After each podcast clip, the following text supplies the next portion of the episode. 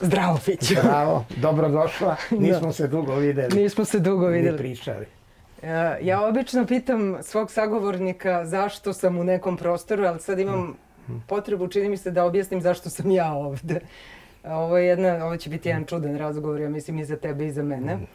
A, mi smo, ovo je čist nepotizam, A, mi smo ro, rodbina, porodica, ti si moj stric. Često Tako me je. prati u stvari to da sam ti ćerka, a, valjda zbog naših sličnih političkih stavova, a, ali da. Nisi me obrukala do sada, tako. E pa hvala ti, to Hvala. mi je, znači mi.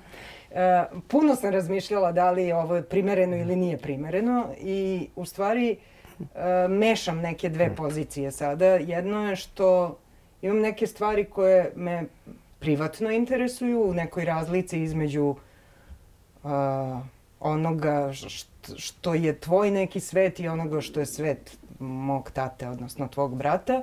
A druga stvar je što u stvari kada ti je neko rodbina nikad ne pričaš sa njim o profesionalnim stvarima, nego uvek o tim rodbinskim. Ja sam nekako dugo imala i problem da čitam tvoje knjige jer sam se plašila šta ako mi se ne dopadnu.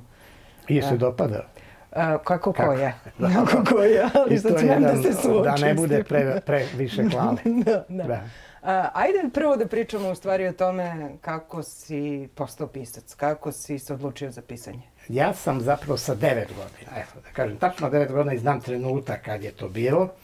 E, bio je konkurs e, tada jedinog e, pionirskog lista koji se zvao Pionir za e, decu, pionire i tako dalje, da opišu neki svoj događaj, doživljaj i tako dalje. Ja sam napisao jedan naš doživljaj iz vremena rata i među 4000 pristiglih radova ja sam dobio prvu nagradu. Fotoaparat, to je za ono vreme 49. Devete, ako si imao godina, tačno. To je bila senzacija imati. Međutim, taj fotoaparat nikad nisam iskoristio, nije bilo filmova. Tako da je to bila jedna kutija ka- koja mi je stajala i ne znam, jednog dana sam je se i oslobodio. A druga nagrada, to sad uvek pričam kao neku anegdotu, bio futbol. I mnogo godina kasnije, Gordan Mihić, naš poznati scenarista, sarađivali smo na televiziji, on mi kaže, znaš li, ti si dobio fotoaparat, ja sam dobio futbalsku loptu. Ja kažem, slušaj, ja sam ti zavideo čitavog života, jer mi kao klinci smo igrali nekim krpenjačama. To su neke lopte od maminih čarapa, pa se spoje. I mi smo jurili za tim loptama. I dobio sam dosta tih nagrada i nekako je postalo meni normalno da je to neki moj budući poziv, pre svega zato što sam i čitao. Dosta rano sam naučio, za pet godina sam već čitao Gulliverova putovanja, Brodolom Pacifika, evo, sećam se tako nekih naslova.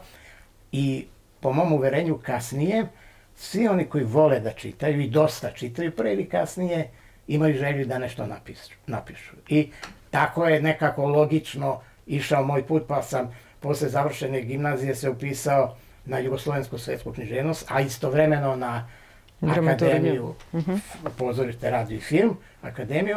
I vrlo brzo još nisam ni završio fakultet, zaposlio sam se kao dramaturg u, u savremenom pozorištu u Beogradu i ubrzo posle toga prešao na televiziju, a televizija je još bila u eksperimentalnoj fazi, pa onda kad su došli ti prelomni trenuci početkom 90-ih, kad smo zbog osnivanja sindikata Dobro, čeki polako. dalje, Koje moram da godine da si sam- došao na, na televiziju? E, Na televiziju sam došao o, 60, e, ovako da vidim samo, 50, negde 64. godine, 65. To je bilo otprilike tu. To A, vreme. Preskakat ćemo, ajde, nećemo ići hronološki. Čini mi se zanimljivim to što si studirao i književnost i dramaturgiju, zato što me, interesuje me kako se, druga je vrsta pisanja, drugi, drugi je odnos negde i prema autorstvu, a posebno kad radiš na televiziji gde si na puno scenarija sarađivao sa drugim piscima. Kako, kako, i- kako izgleda taj rad? Kada radiš sa još nekim, mislim, pisanje ima svoj stil, ima svoju neku estetiku, ima razne neke elemente kao i svaka umetnost. Znaš kako, jugosvetska književnost koju sam ja studirao, to je profesorska grupa. To nije neka kreativna grupa, pišu se seminarski radovi i tako dalje, a to nije prava književnost ono. A već akademija je spremala e, e, buduće urednike, ali takođe i buduće dramske pisce. Velika je razlika u pristupu nekako i e, najviše sam naučio sad kroz fakultet, a, a, akademiju, pozorišnu, kako se onda zvala, filmsku i radio, ali se najviše naučio u praksi. Ajde pričaj malo o toj praksi. Najviše si, čini mi se, radio sa Paskaljevićem, ali zapravo si radio sa... Ne, ja... to je druga stvar. Aha. E, to što sam radio sa Paskaljevićem, za Zavranovićem, Šijenom, uh mhm. -huh. to je neka moja sretna zvezda. Sam radio stvarno sa izvarenim e, rediteljima, ali ovo što kažem da sam naučio kroz praksu, to je kad sam bio kao, kao dramaturg u pozorištu ili mm -hmm. dramaturg na, na televiziji, tebi pisci donose tekstovi, ti sada treba da im kažeš da li tekst dobar ili nije. E, znaš, i ja sam prihvatio praktično ono što se u Italiji naziva kontraditore. Tražiš u tekstu probleme. Mm -hmm. Šta nije dobro, šta nije u redu, da bi pomogao piscu da taj tekst e, e, uobliči na pravi način, da nešto izbaci, da nešto doda i tako dalje. Naravno, taj posao ima svoje, svoje naličje, a to je dolazeti, posebno na televiziji, svakog dana neko donese neki tekst, ljudi rade mesecima da napišu neku televizijsku dramu, ti pročitaš u dva dana i kažeš ovo nije dobro, na primjer. No. I ja mislim da i dan danas ima onih koji mi zameraju što sam im odbio tekstu i tako dalje, mada sam uvek sve što se radi u radi u najbolje nameri. Ili mm. da pomogne da se tekst napravi, ili da iskreno kažem da tekst nije takav da može da se uključi u, mm. ovaj, u realizaciju i tako dalje. Ali to, to sad ima, to je pravi urednički posao i to ima mnogo više, čini mi se, mm. veze sa posle, si, kasnije si postao profesor na FDU sa tim nastavničkim poslom Jeste, gde si da. u stvari mentor mladim ljudima. Mm. Kako, šta je za tebe ta, taj nastavnički posao značio? Pa ja sam voleo taj posao, zato što je to bio nastavak onoga što sam radio na televiziji i pre mm. toga u pozorištu čitanje tekstova i o, uobličavanje. Ono Ali sa nekom mnogo većom, čini mi se, odgovornošću zato što formiraš neke mlade ljude. Pa jeste, ali, ali s druge strane sad je pitanje odgovornosti jer ti na televiziji kao urednik kad potpišeš neku dramu, recimo, mm. bio sam urednik dramskog programa, to je u ono vreme gledalo da ne kažem cela Jugoslavija, ali bar pola Jugoslavije, jer je bio samo TV Beograd, TV Zagreb, TV Sarajevo, mi, Crna Gora ponekad uskakala. Mm. Mi smo imali te programe i posle svake drame javlja se hiljade i hiljade ljudi, pišu se kritike po novinama. To se sad promenilo, odmah da mm. da kažem, više praktično tog dramskog programa i nema u tom smislu kakav je onda postao pojedinačnih televizijskih drama. Sad su ono što je bitno serije. Tako da, ovaj, sasvim je drugačije, ali odgovornost veća bila. Znaš, E, e, e, onda recimo nije bilo ove tehnike koje posle došla, magnetoskop i tako dalje. Prve drame, prvih godina kad sam radio u dramskoj redakciji televizije Beograd, to se snimalo uživo. Kao mhm. što ovaj, se pripremala pozorišna predstava. Po dva meseca, mesec i po su probe trajale, dođe dan emitovanja, uživo ide. I često se događa da uleti kamera, Da se glumci nešto zbune pa nastaje neki drugi način, ali to je sve prihvaćeno kao nešto normalno. Posle kad je došla ova tehnika montaža i sve to, sve se to promenilo. Ali, pazi, ta, ta, ovaj, ne strah, nego, nego neizvesnost, hoće li sve ispasti kako treba. Hmm. Da li će kamermeni uraditi svoj posao kako treba, da li će svetlo biti dobro, da li će glumci odigrati kako treba to je mene dosta živaca koštalo, mada sam taj posao voleo uvek i bilo mi je ono, drago što ga radim, ali mnoge neprospavane noći. Kakva će kritika biti? Mm. Sećam se Olga Božičković koju sam ja cenio kao kričara i na kraju kraja bila je uglavnom i dobro namerna. Ali bude kritika, kaže ovo što smo sinoć gledali, to nije ono što očekujemo i tako. Mm. Kri, mislim, uh, proživljavao sam to dosta. A šta ti od tih stvari uh, je nekako u najvećem sećanju? Pa ima nekoliko drama koje su ostale obrazac onoga što je, pa recimo, najbolje u tom mm. žanru. Nego ne sećam se, Boro Drašković je režirao kuhinju. Uh, Arnolda Veskera, poznatog mm. englesko-danskog pisa, koji je kasnije došao i video taj snimak i rekao da je to najbolja izvedba kuhinje, inače pozor, pozorišna komada. Mm. Ili e, Luciano Pintilije snimio Paviljon broj 6. Po meni vrhunska drama. Pintilije je bio sjajan pozorišni reditelj koji u vreme Čaušeska nije mogo da radi u Rumuniji jer je pravio predstave koje se asocirale na režim i tako dalje. I neko mi je rekao, kaže, on je spreman da dođe da režira.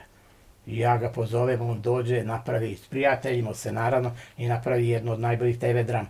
E, iz, izdvojio sam dve drame, mm. ali ovaj, bilo ih je dosta, sigurno 15 20 drama od, od možda stotina koje snimljene, kojima sam se stvarno ponosio i, i danas bi mi bilo zadovoljstvo da gledam, ali mnogi od tih drama nisu sačuvane. Ti, brisane su sa tejpa ili e, nekim drugim razlogom više ne postoje i tako da. I moje tri drame, imao sam tri drame, jedna, jednog dana je, moj Jamele, bio sam vrlo zadovoljan, radio Jaca Đorđević, nema je više, nema nigde, ostale su samo sećanja, uspomene i u antologiji objavljen mm. tekst, tako da... Ajde onda da se vratimo na te tvoje autorske drame. Ajde malo da mi ispričaš kakvo je to uopšte vreme bilo, kakva je ta atmosfera u to vreme kada si najviše radio? Znaš kako je, još dok sam bio na fakultetu, jugosvetska književnost, da sam studirao, bila je, e, e, ova, bile su vrlo umiljene i e, knjižene večeri. Mm -hmm. Tu sam ja počeo zapravo i tu, tu se stvaralo prijateljstvo između, kasnije smo bili književna grupa, Mirko Kovač, Danilo Kiš, Borislav Pekić, u jednom broju recimo Vidika, to je mm. taj književni časopis koji je ođivao Danilo Kiš, objavili smo svoje priče Mirko Kovač, Pekić i ja, moja malenkost. I tu smo se, tako smo se upoznali. Godinu, dve posle toga objavili smo u prosveti svoje prve knjige. I počeli smo da se družimo. I to je jedno najvažnijih i najglavnijih iskustva u mom, ajde kažem, profesionalnom književnom životu, to prijateljstvo sa Kišom, Kovačem i Pekićem, jer smo se sastali, razgovarali o onome što smo napisali, međusobno se kritikovali, odnosno davali savete. Šta, ja se sećam da za jednu moj priču kad sam pročitao, Danilo mi kaže, slušaj, to je vrlo zanimljivo što sam napisao, ali to nije razvijena priča, moraš napisati drugi deo te priče i tako. Ja odem, vratim se kući, sedem, napišem, ispadne jedna od mojih boljih priča i tako da. Sećam se trenutka kad nam je Danilo ovaj, u svojoj garsonjeri čitao ovaj, Bašta Pepeo, rukopis mm. Bašte Pepeo. I to je Mirko Kovač zabeležio u svojim dnevnicima, Bora Pekić je mm. zabeležio u svojim dnevnicima, da smo osjećali uzbuđenje, neko smo e, stvarno imali utisak da prisustujemo nečem vrlo značajno. Sad si mi da. promenio si mi put kojim hoću da idem, ali dobro, kad ali ja vodiš svojim putem, tu, kako da, išao moj život. Da, da, pa dobro, ali sad, kako mm. kažem, ja bih neku dramaturgiju da, da. napravim da. kad sedim s dramaturgom.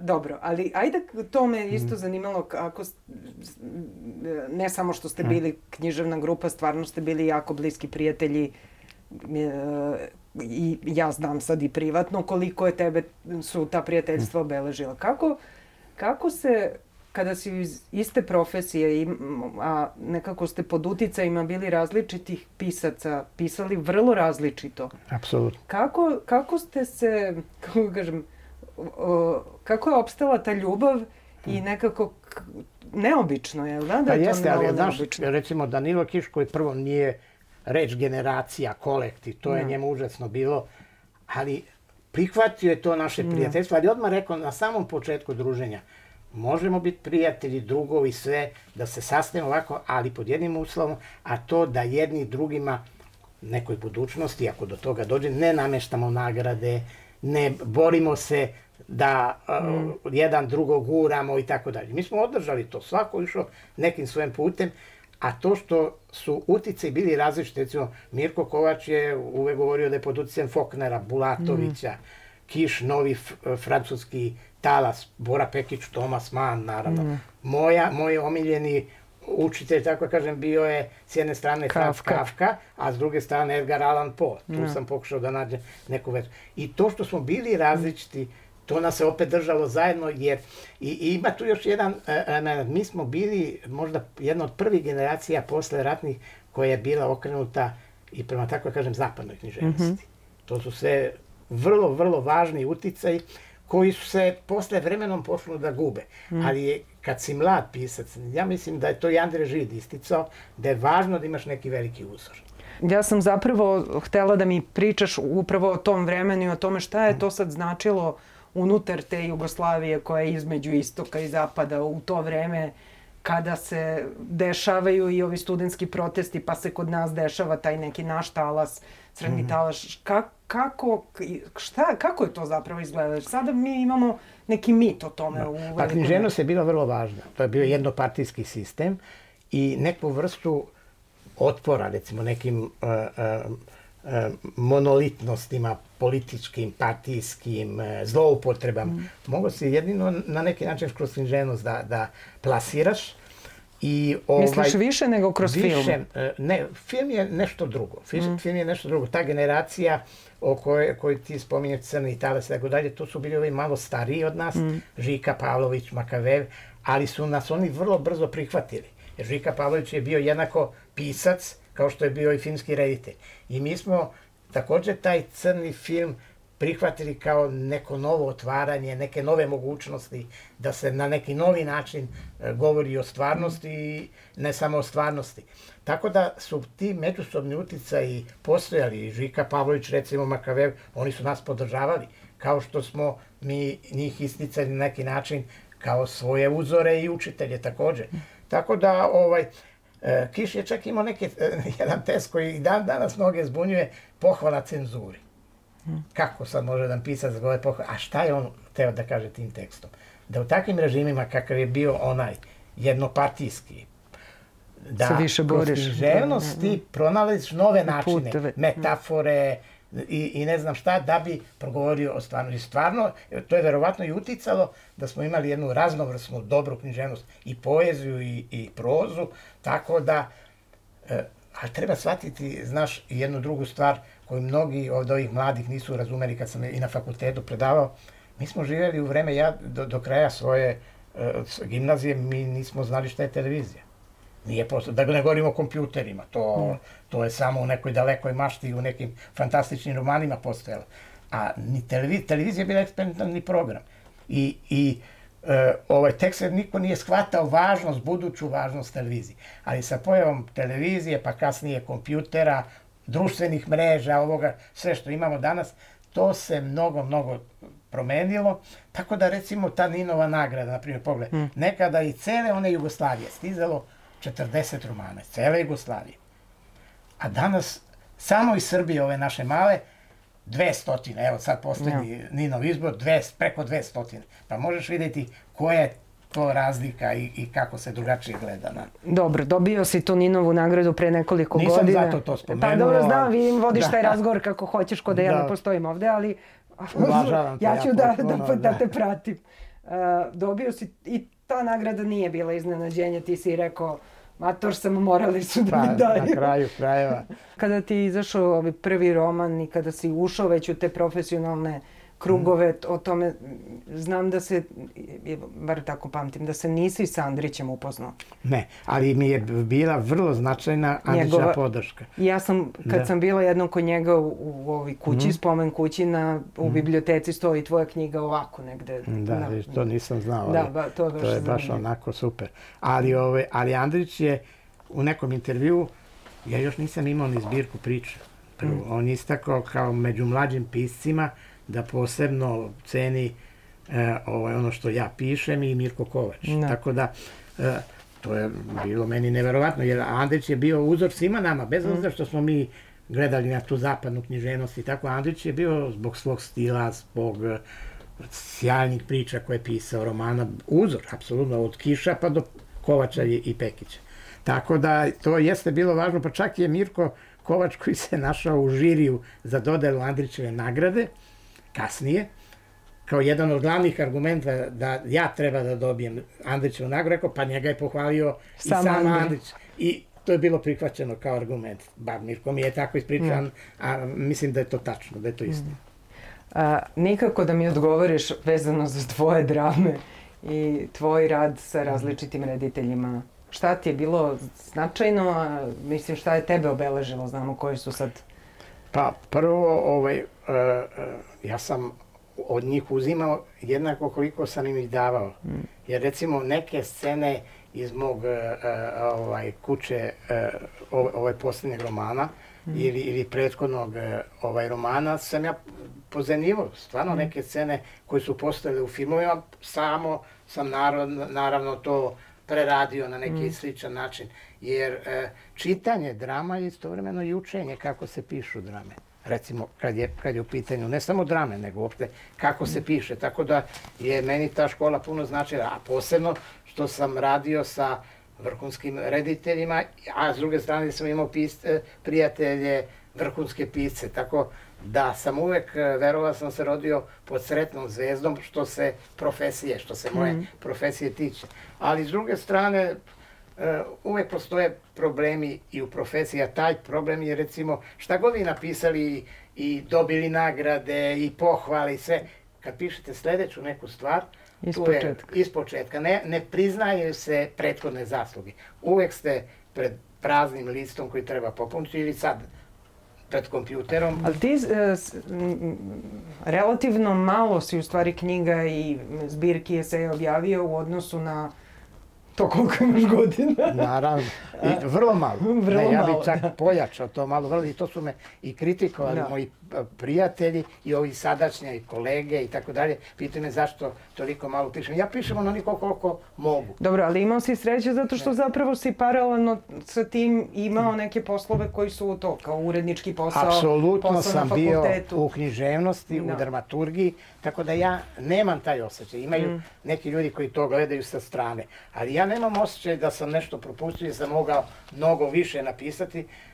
Moje pa, pauze između mojih knjiga su bile po 10 godina, 15 mm. godina čak. Ajde pre nego što pređemo na to što je velika, velika tema, u stvari teme tvoje, Uh, jako me interesuje, to sam te već pitala, kako, očigledno tebi nije mnogo važno kad mi to izbegavaš da odgovoriš, uh, kako se sarađuje sa drugim piscima na scenarijima? Sve zavisi od pisca sa kojim sarađuješ. No. Ja kao, uglavnom radio kao dramatog. Dramatog, ono što sam rekao, kontraditore, treba popravljati tekst, da daje mm. sugestije i tako dalje. I mislim da sam na nekim filmovima zaista kao dramaturg, ne kao pisac prvi, nego kao dramaturg, recimo, ko to tamo peva. No. no taj film, ili, ili Zafranovićevi filmovi, sam sa pisao scena, i okupacije, si... večernja zvona, mm. i ovaj, tu sam bio neko ko je daje savete i kritikuje. Pa, ali to me interesuje, kako ti sad kao pisac koji ima svoj stil, pređeš u tu drugu ulogu, to je profesija, nije ti bilo... ne, to meni nije bio nikakav problem. No. Problem je bio kad daš neku ideju koja je i dobra i tako neki reditelji, neki pisci teško prihvataju. Ima pisaca no. koji su potpuno otvoreni. Ja mm. mislim da sam ja takav. Ja, ja sam zahvalan za svaku kritiku, za svaku sugestiju i tako Ali ima pisaca koji ne mogu da prihvate, mm. neće, vre, uvrede se, naljute se i tako dalje. Čak i Zafranović koji je sjajan reditelj i na kraju smo, kad se sve pogleda, lepo sarađivali, ali bilo je trenutaka, mate ne da dođe do fizičkog sukoba, mm. jer ja neću da popustim, redite neće i onda napete situacije sa puno tenzije i tako dalje. Recimo, Zafranović je rekao nešto vrlo zanimljivo, što sam ja često ponavljao svojim ovaj, studentima kasnije. On je rekao, znaš šta, sve tvoje sugestije dramatičko su okej. Okay. Ali ako bih ja njih prihvatio, ja ne bih bio Zafranović. Jer je ne. Zafranović i sa Menja svojim... film, da. Ne, on je i sa greškama, prividnim greškama, No. On je taj koji ipak na kraju odlučuje i njegov je. Njegov je film, autor, on je autor. Mi smo svi tu da pomažemo autora. I tu je sad velika razlika između recimo televizijske drame gde je pisac autor, Mm -hmm. a na filmu je autor reditelj. No. I nekim no, od, od, od, od pisaca dobi Duško Kovačević recimo ili Gordan Mihić nisu mogli često da prihvate da recimo reditelj uzme maratonce, na primjer Šijan, i taj, onda su to maratonci Šijanovi, a nisu više maratonci Duška Kovačić. Ja mislim da je Dule zbog toga počeo i sam da režira, da bi ostvario da. to autorstvo. Aj Mihić. Uh, ajde sad, sad da u stvari pređemo na tu neku glavnu temu. Ono što je meni bio, za mene lično, povod u stvari za ovaj razgovor. Uh, teme tvojih knjiga, vidi se taj uticaj naravno i Kafke i Poa, je u velikoj meri jevrejstvo, kabala, holokaust. Zašto? Nisam u ovim svojim romanima ni u pričama se bavio autentičnim događajima, jer ja nisam pisac realistički. Ja sam pisac ipak neke vrste fantastike. Ali je potpuno jasno da vučeš neke, ne, neke priče. Sad mene isto interesuje zato što tvoja majka, moja baba, E, ona nikad nije pričala o ratu. Ja se sećam da baš ne da nije, ona izrazito nije htela da priča. Možda je sa tobom pričala. I mene zanima u stvari, ja sam odrasla u jednom, u, u, u jednoj atmosferi gde je ta cela priča i ta, ta naša porodična mm. priča gde su nam leže u masovnim grobnicama mm. u Kragujevcu nekako, kako kažem, stvarno držana po strani. I pa me u stvari zanima kako si je ti, kako si je ti izvukao? Kako Ma je ona šta? tebi da. obeležila na taj način život, a tati nije? Ona je pričala o tim stvarima u nekom užem krugu, ali nije pričala unucima. I mene se te priče urezale dosta u sećenje. Ali to je bilo toliko čuda, toliko nevjerojatnih situaciji, da recimo Mirko Kovač je meni stalno grdio što ne pišeš o tome roman, ali ja o tome nisam mogao da pišem roman. Suviše ti je Suviše, tvoje. Ali i ona je preživela teške trenutke. Čitava njena porodica, otac, majka, uh, braća, sestre, skoro svi stradali su u Kragujevcu. No.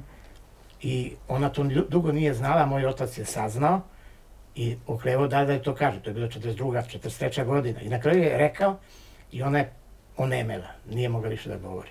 Dva meseca ona nije progovorila ni reč, morali su da uzmu nekoga iz susedstva e, čoveka da sa njom razgovara, da je uči da govori ponovo. To je takav šok bio. Da ti kažem nešto, sve te, e, je, pre, stradale oko 85% jevreja na ovom našem području, sve su sudbine slične. I oni koji su stradali i oni koji su se spasli. Uvek ima nešto malo i drugačije. Ali u suštini to su te slične tragedije. Ja nisam mogao time, možda sam želeo da se bavim, možda u ovoj kući sećanja i zaborava, jer to je mm. Ta tema. Ali ja sam više želeo da govorim i da pišem o zlu, poreklu zla, kako je moguće da se dogode takve tragedije u nekim istorijskim periodima. Stalno se to ponavlja. I ovaj, ali onda sam počeo da čitam malo te teorijske rasprave šta je zlo. Vidio sam da tu nema šta, nema nikakvog objašnjenja. Mm.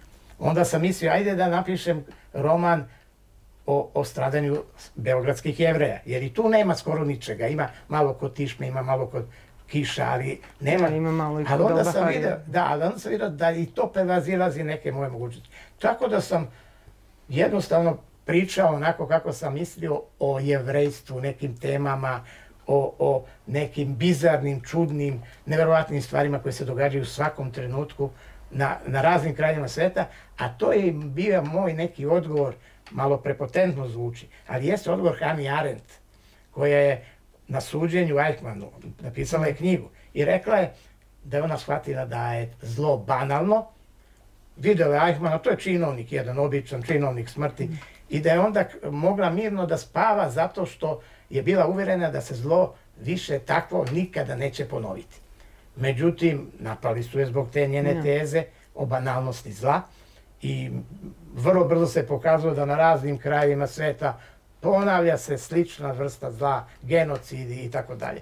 I ja sam teo tom temom da se bavim i to je ta priča, ali, ali ne sa filozofske strane gledišta, nego sa knjižene. To sam pokušao i to je neka, neki moj dug istovremeno bio i, i, i stradanjima beogradskih jevreja. Mislim, zanimljivo je što si to sad povezao, zato što mi se čini da to ima jako veze, puno veze sa onim što je tvoje političko delovanje. Kada se sad gleda taj tvoj put, uh, ti si baš ono što uvek ističu kao neki intelektualac. Prvo, šta je, šta za tebe, ajde, kao ta pozicija intelektualca, šta to zapravo znači? Ne znači ništa.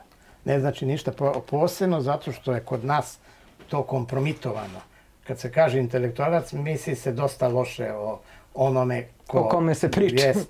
Međutim, e, Julien Benda je 1927. godine napisao knjigu Izdaja intelektualaca. I gde je mm. zapravo se rekao u, to je bilo praskozorje fašizma, Hitlera u Nemačkoj, ali on je rekao sve što važi i danas. Da su intelektualci izdali svoju profesiju, to da, da su obrazovani, da znaju više, da e, e, prate događaje. Ne, nego su se približili vlasti. I sve su činili da budu što bliže vlasti, a cena je bila da su izgubili zapravo svoju individualnost i svoj glas. Ti si svoj glas u stvari pronašao, pronašao, počeo da se javno istupaš uh, prvo si, kada je počeo rat, ste na, si napravio, bio si jedan od osnivača, osnivač nezavisnog pisaca, pisaca, pisaca u Sarajevu, koje je to 89? Tako, 89. 90. Pa onda u Beogradu, Beogradski krug, odnosno Jeste. forum pisaca. Prvi nezavisni sindikat koji smo osnovali na televiziji. To je malo posle, tako? To, to je bilo 91. pre Beogradskog kruga, Aha. ali posle nezavisnih pisaca. I tada si dobio i otkaz. I... Da, ne, nije bio otkaz, nego skrajnut, potpuno maknut kad je došao Vučelić, koga sam ja inače poznavao. I onda je počela čitska na televiziji, ali smo mi pre toga osnovali nezavisni sindikat zato što je bilo očigledno kršenje profesionalnog kodeksa, mm -hmm. pošto je televizija postala jedna mračna ustanova gde ove se iznosile ra ratna propaganda, gde se gore neistine, huškao narod na rat. No. Pazi, e, postoje dve kategorije ljudi, to sam nekako uvideo tokom vremena. Oni koji su doživjeli recimo tragediju, drugom, izgubili u drugom svetskom ratu, porodici i tako dalje. Jedni su željni osvete i smatraju da će pre ili kasnije da se osvete onima koji su im naneli zlo. Naneli zlo. A druga kategorija koju ja pripadam, a tako sam i vaspitavan, jeste da sve treba uraditi da se to zlo ne bi ponovilo. Ja. Tako da sve što sam radio, radio sam i borio se protiv tog ekstremnog nacionalizma, koji, kako je Danilo Kiš rekao, nacionalizam je paranoja kolektivna i pojedinačna, da je to uh, ideologija bana, banalosti. To je suština.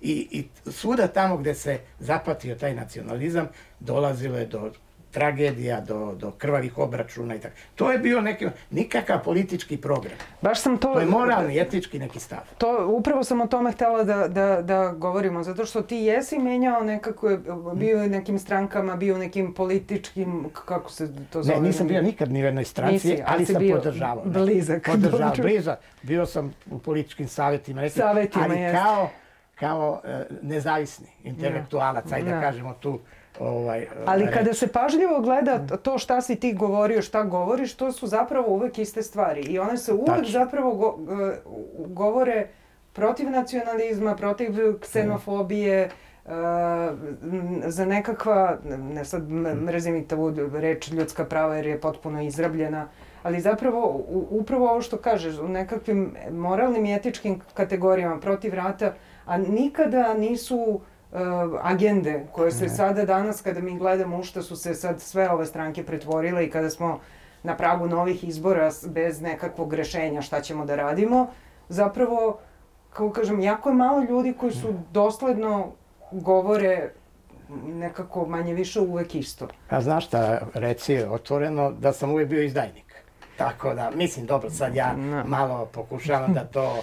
ja bih rekla patriota, da, vidiš. Pa, jeste, ali da, ja sam u jednom trenutku, povodeći za nečim što je svoje vremeno kako su optuživali Tomasa Mana, bez mm. želje da se ja poredim sa Tomasom, nego da uzimam taj etički moment.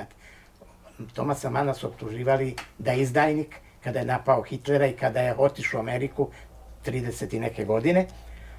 A onda Encesberger je mnogo kasnije rekao da je to što je uradio Thomas Mann i bilo jedino pravilno i da svaki častan čovek u nekom trenutku kad se nađe u tim okolnostima mora biti izdajnik.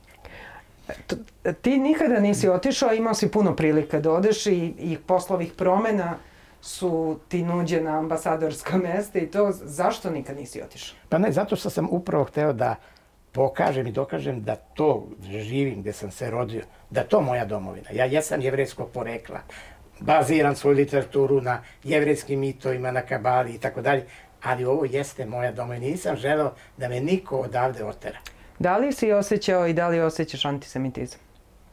Pa ne ga uvek ima. Bilo ga je i uvek e, e, ne jednom kad nešto napišem kritički i tako dalje, uvek u pozadini onih koji me kritikuju ide ta vrsta antisemitizma. Zašto on ne govori o palestincima, nego govori o Srbima, Hrvatima i tako dalje. To nema nikakve veze. Ja odbijam tu vrstu apsolutno Ja te to kritike. pitam zato što sam da. postala jevrika kada su počeli ratovi u srednjoj školi, upravo to mi je bila da. oduzeta reč, jer da. sam, ja imam rezervnu domovinu. Da, da, to je bilo ranije vrlo velika ta optužba, dva, da imaš dve domovine. I sve, a to isto izmišljotina bila. Na Wikipediji ti piše da imaš izraelsko državljanstvo. Ma nemoj. Nemaš, To tako? kakvo državljanstvo. Ja, izraelsko, ne. koliko znam, Ne, nemaš. nemam, niti je bilo ikada govora o tome. To ne znači da ja ne poštujem neke svoje korene i tako dalje, ali ja sam ovde, kažem, rođen, ovo je moja domovina i nikome odavde ne može oterati osim neka viša sila. Mm. Jednog dana, taj dan verovatno nije daleko. Pošto se emisija zove Prostori slobode, šta je za tebe sloboda? Pa ja sam pristalica ono, onih uverenja da sloboda je u čoveku negde. To može ti biti slobodan i u zatvoru, a možeš biti veoma neslobodan u nekom režimu koji ti ne odgovara, a nisi u zatvoru. Tako da, vrlo individualna stvar, to hoću da kažem, ali postoje... Jel si slobodan? Jel se osjećaš Pa slobodan? ja sam se uvek osjećao slobodan. U tom smislu slobodan da mogu da kažem šta mislim, da se ne ustrača, ustručavam. I tu sam prihvatio od Albakarija e, jednu njegovu sentencu, rečenicu, kad je, su ga pitali da li se plaši. On je rekao, ja sam pojao svoj strah. I to zapravo postoji. Čovjek može da ima nekih dilema. I ja sam imao samo dileme u nekim trenucima kada je recimo Hana došla, moja čerka došla iz škole i rekla, tata šta ti pričaš tamo, u školi su spominjali, misliš ti na nas? Ja sam onda stvarno se pitao da li imam ja pravo da ugrožavam ovaj, moju decu, ženu i tako dalje. Ali sam onda i njima objasnio, a i to je moj stav postao, da će oni na kraju shvatiti zašto se da, ja tako ponašam, a da sam se drugačije ponašao da bi se možda i stideli mo, mog ponašanja. Ovako, e, ovaj, se na kraju sam dobio njihovu podršku i, i, i to mi je isto bilo važno. A koji su neki tvoji prostori u kojima se osjećaš dobro i slobodno? Pa sad Ovde smo da- sad kod tebe kući. Pa to je prostor prvi gde se uvek dobro osjećam, prvenstveno zbog ogromnog broja knjiga od kojih sam počeo se plašim više ne znam gde da ih stavim i bojim se da sve to ne sruši jednog dana. Da znaš da sam to od tebe nasledila. Jel?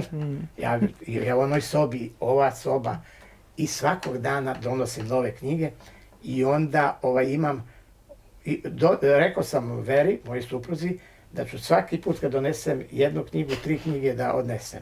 I lagao si. Pa pokušao sam, ali 500 knjiga kad odvojim odavde za neki muzej knjige koji postoji, ne primeti se. 500 knjiga kad se odvoje, ne primeti. Jer knjige su i na zemlji, ispod kreveta, ispod stola.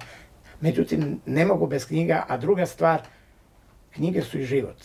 To ću kažem, mnogo života i dok čovjek može da se druži sa knjigama, on je živ.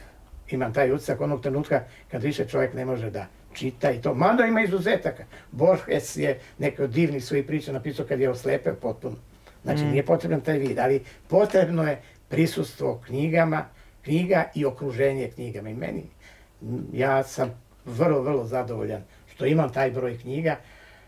Šta će biti posle moje smrti, da li će to nekog zanimati, nije ni važno. A drugi prostor slobode je kad se nađem s prijateljima svakog dana, po jedan sat posedimo u jednom kafiću, razgovaramo isto o knjigama, razmenjujemo knjige i govorimo malo i o politici i o svim ovim stvarima koje nas još uvijek zanimaju. Jel pišeš? Imam planove, knjiga, priča, jedan novi roman, ali boga mi ne znam da ću uspeti jer vreme mnogo, mnogo brzo za nas stare protiče, mnogo brže nego kad sam bio mlad. Nekada mi je godina bila duga, duga, sada meseci, dani, godine, to sve leti, prolazi, pa ne znam da će biti, to je sad moj, moja neka lična želja, ne verujem da će neko od toga imati neke štete, ali voleo bi da završim svoj ne tako veliki, pre bi se moglo reći mali opus sa još dve knjige. Hvala ti puno, ovo je za mene bilo jedno čudno iskustvo. Dobro, nije valjda posljednji put da razgovaram. Ne, pa dobro, možda pred kamerama.